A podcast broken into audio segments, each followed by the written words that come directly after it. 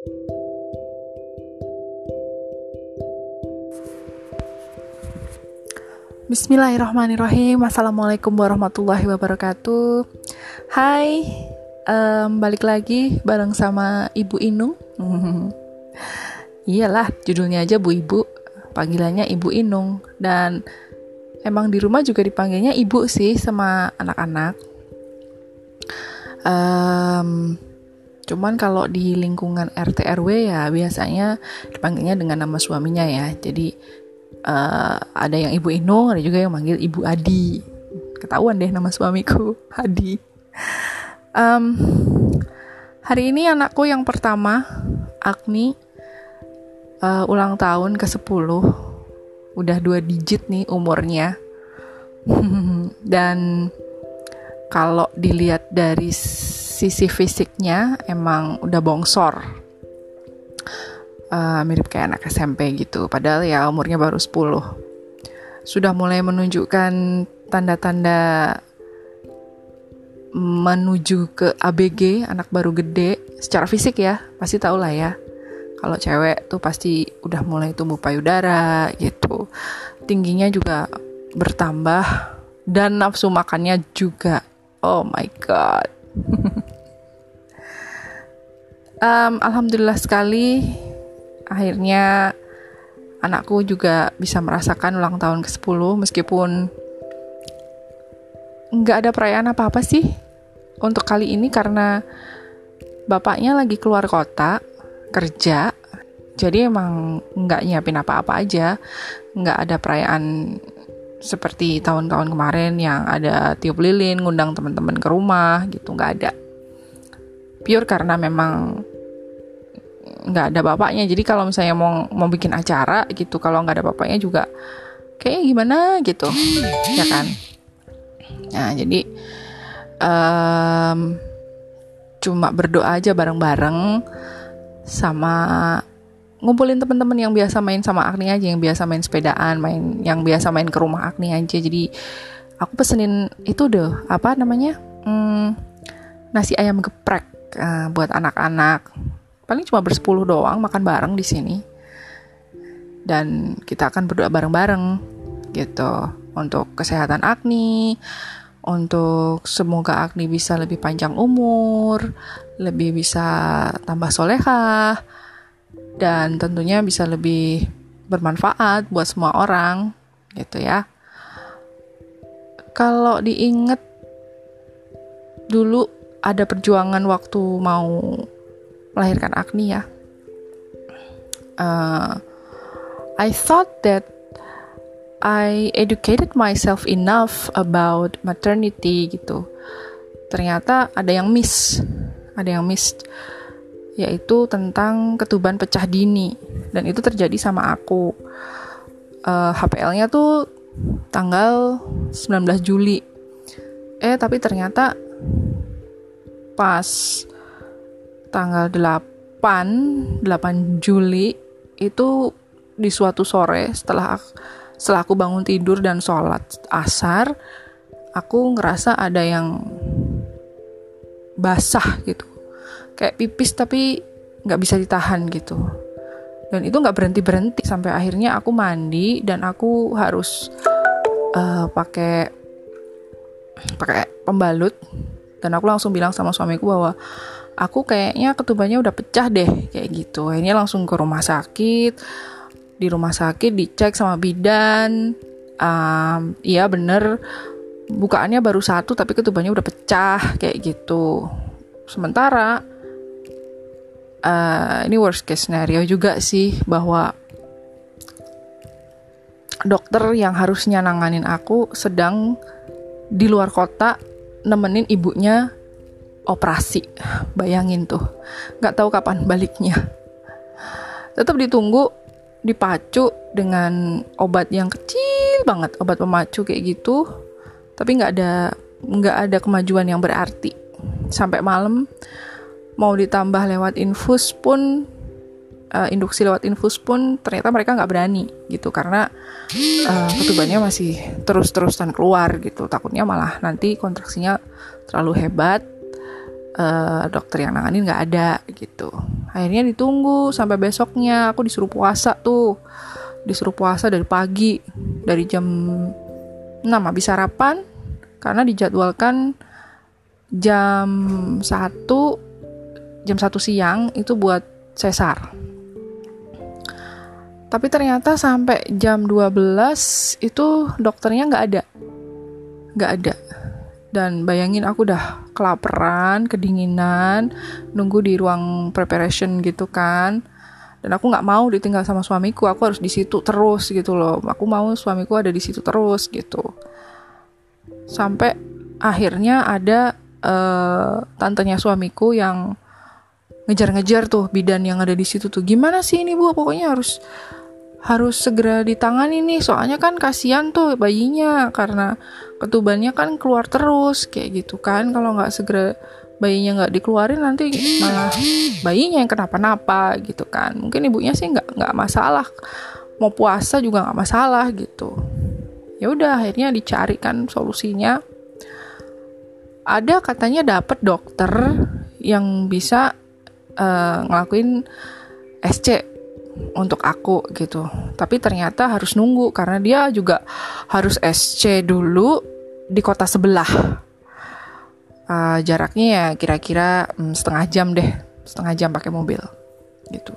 Dan itu believe me, it's it's like lifetime gitu loh nunggunya gitu loh. Dan akhirnya dokter itu baru datang sekitar jam 4 sore. Dan sekitar jam 4 sore. And fortunately gercep ya hitungannya. Karena setelah itu langsung aku langsung masuk ruang operasi langsung di anestesi dan sekitar jam 16.50 itu Agni udah bisa dilahirkan lewat operasi sesar thank God, thank God, thank God, alhamdulillah gitu loh. Akhirnya aku nggak harus nunggu-nunggu lama lagi gitu. Karena jujur aku khawatir juga ini apa namanya ketuban udah pecah. Berarti kan uh, sistem perlindungan buat babynya kan udah kebuka ya. Jadi kalau misalnya ada kuman bakteri masuk itu dia bisa kenapa-napa gitu loh. Ya kan? Tapi akhirnya pas dokternya udah dateng langsung gercep. Ah paling cuma butuh sekitar 20 menit dah di, ru di ruang operasi itu. Agni udah bisa keluar gitu loh dengan operasi sesar dengan suara tangisan yang sangat menggema menggema banget gitu. Ya udah akhirnya ya aku cuma bisa alhamdulillah aja gitu. Cuma kenapa ya kok ada yang miss gitu loh? Kenapa aku yang sebelumnya udah bener-bener buka segala macam buku majalah tentang uh, proses persalinan baca-baca inter baca-baca dari website internet gitu. Ternyata ada yang miss mengenai ketuban pecah dini ini gitu. Ya mungkin karena aku nggak tahu bisa dibilang over atau mungkin pasrah nggak ngerti juga sih. Cuman ada sedikit rasa kekecewaan kenapa ya kok aku miss tentang tentang kasus yang ini gitu loh. Ya kan? Ya udahlah. Yang udah berlalu biarlah berlalu gitu. Yang penting sekarang aku udah bisa ketemu sama anakku kan gitu kan. Udah benar-benar bisa udah bisa ngeliat gitu bagaimana uh, wujudnya yang hanya bisa aku bayangkan ketika dia ada di kandunganku ternyata cantik luar biasa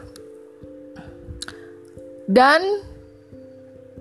kebahagiaan itu terusik kembali. Pertama, air susuku nggak segera keluar, asinya nggak bisa keluar, jadi harus benar-benar dibantu banget. Terus ini aku sesalkan juga sih dari pihak rumah sakit itu sepertinya tidak tidak begitu proasi gitu loh. Jadi dia malah uh, perawat di situ malah menawarkan bu anaknya tuh udah 24 jam nggak nggak ngasih loh bu. Asinya udah keluar belum? Kalau emang belum dikasih sufor aja. Mau yang sufor ini atau sufor itu gitu. Mereka menawarkan gitu. Damn aku aja nggak bisa IMD karena waktu itu kan memang sesar ya jadi memang harus nggak boleh nggak boleh gerak-gerak 24 jam gitu. Aku baru bisa miring aja tuh hari kedua setelah melahirkan. Ya jadinya memang nggak bisa langsung nyusuin gitu. IMD juga nggak ada yang bantuin. Perawat di situ nggak ada yang bantuin. Dari posisinya itu nggak ada nggak ada. Sementara suamiku kan masih sibuk mondar mandir mondar mandir gitu uh, ngurusin keperluannya aku, kerjaan dia, ngurusin rumah juga kayak gitu. Nah, alhasil karena anakku nggak segera dapat asi, ceng jeng di hari uh, kedua hari kedua dia setelah dilahirkan siang-siang itu dicek ternyata kuning jaundice ya tapi untungnya nggak patologis sih cuma fisiologis aja. Memang karena kurang kurang asik gitu. Tapi udah tinggi banget tinggi sampai ke mata. Jadi harus segera masuk ke uh, ruangan sinar. Jadi dan aku di sinar. Aku bener-bener oh my god ini apa-apaan sih nih gitu. Perasaan kalau aku lihat di TV-TV atau teman-teman yang udah dapet uh, pengalaman melahirkan tuh kayaknya kok fine fine aja gitu loh. Ternyata kok aku ngalamin seperti ini gitu. Ternyata setelah dijelaskan sama dokter pertama karena kurang asi kedua karena kasus yang terjadi di aku itu adalah golongan darah anak dan ibu itu beda terutama kalau golongan darah ibunya itu O. Nah itu dia Hmm, jadi ini memperbesar kemungkinan untuk si baby ini bakalan kena jaundice atau kuning secara fisiologis gitu. Nah, sebenarnya paling paling gampang untuk ngilangin itu adalah uh, rehidrasi sebanyak-banyaknya terutama dari ASI dan dijemur kayak gitu. Dijemur. Tapi sebenarnya karena ini aja sih, karena kurang ASI. Jadi pas setelah hari itu aku langsung langsung niat banget gitu untuk segera bisa duduk dan memerah asi gitu. Pokoknya gimana caranya supaya asiku bisa keluar dan alhamdulillah dengan berbagai macam cara ya mulai dikompres, dimasas itu yang namanya payudara sedikit demi sedikit meskipun sakit banget ketika diperah akhirnya bisa keluar dan bisa dikasihkan ke anakku. Meskipun harus lewat dot dulu karena dia masih ada di uh, ruang penyinaran gitu. Nah jadi aduh rasanya gimana sih? Lo udah ngelahirin tapi lo nggak bisa megang nggak bisa nyusuin langsung itu kan sedih ya gitu. Dan itu sampai dua hari ketika akhirnya dia diperbolehkan keluar dari ruang penyinaran masih harus dicek dulu, dicek lab. Bilirubinnya berapa? Kalau masih tinggi, masuk lagi. Sementara aku udah dibolehkan pulang. Ya, karena kondisinya karena aku sudah bisa berdiri meskipun jalan masih tertatih-tatih ya karena sakit uh, jahitan sesar tapi karena aku sudah bisa berdiri udah bisa mobile lah istilahnya meskipun sedikit-sedikit jadi udah diperbolehkan pulang. Nggak ada nggak ada tensi tinggi nggak ada gula naik semua oke okay buat aku aku diperbolehkan pulang. Tapi anakku nggak bisa. Anakku harus tetap di ruang penyinaran. Can you imagine that? Gitu loh. Mungkin ini nggak nggak separah ibu-ibu yang lain yang punya pengalaman anaknya harus masuk uh, NICU gitu ya. Tapi ini tetap aja namanya juga anak pertama ya. Takut kan kenapa-napa gitu kan. Dan perasaan kita pulang dari rumah sakit habis ngelahirin tapi nggak bawa bayinya gitu kan gimana gitu kan. Bayinya harus di diasuh di diasuh di rumah sakit gitu. Gimana rasanya gitu. Rasanya aku nggak bisa tidur malam itu ketika pulang ke rumah. Aku cuma bisa uh, tiduran sambil sambil memeluk guling kecil guling yang buat baby itu loh. Yang untuk baby set tuh kan biasanya ada gulingnya aku peluk di situ. Aku merem-meremin tetap nggak bisa.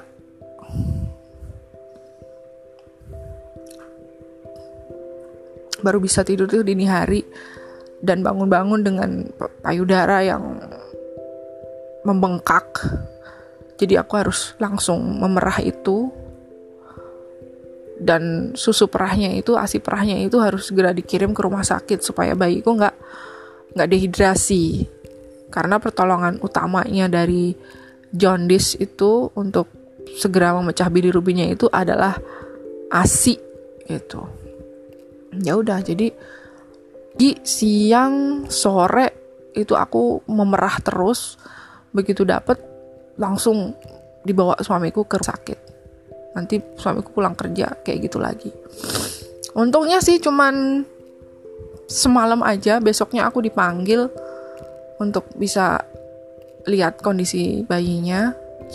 Itu pun juga nggak bisa langsung begitu datang terus ngurus administrasi terus pulang enggak jadi aku dari pagi datang sempet ngejemur anakku dulu kok di halaman rumah sakit kayak gitu dan masih harus dicek dulu bilirubinnya lalu itu agak lama sampai sore lah. Sampai sekitar habis asar tuh baru dinyatakan oke okay, meskipun masih di ambang batas normal ya.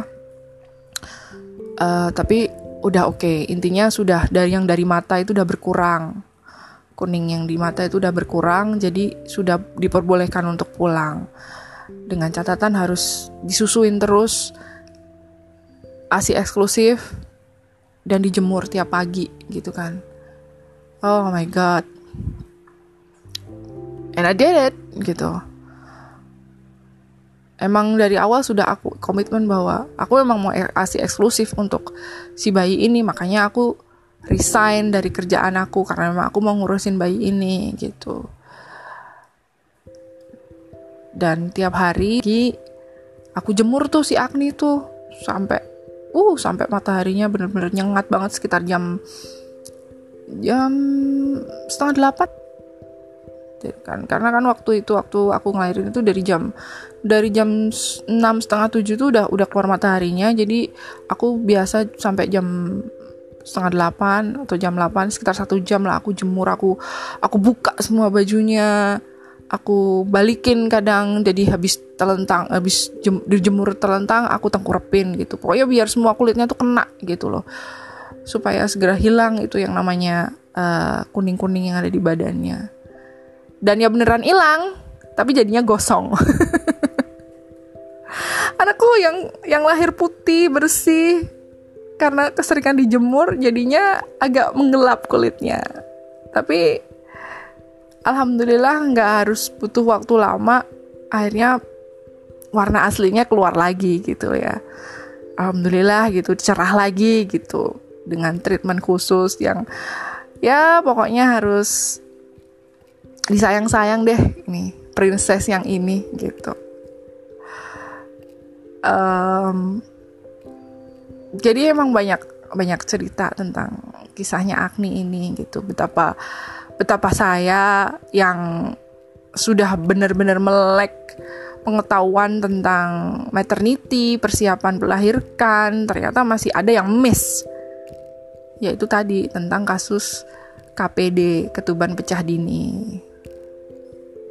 Nah, makanya untuk teman-teman yang akan menjadi ibu atau yang sudah menjadi ibu dan merencanakan untuk mempunyai momongan lagi anak kesekian, please, please, please, please, please banyak-banyak baca, banyak-banyak konsultasi dengan dokter, terutama mengenai kasus-kasus yang gak terduga yang bakalan muncul pada saat uh, hamil atau pada saat menuju proses melahirkan dan setelah melahirkan. Itu bener-bener harus harus dipersiapkan banget banget gitu loh. Jadi yang namanya ketika kita hamil, kemudian uh, persiapan untuk melahirkan itu bukan cuman beli daster, beli baju hamil, beli celana hamil, beli baju bayi, beli apa namanya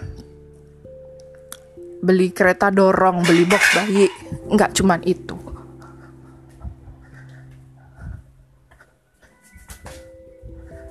Tapi harus tentunya selain financial ya, persiapan untuk uh, nanti administrasi melahirkan juga mental itu terutama uh, fisik ibu dan bayi yang harus dikontrol terus setiap bulan.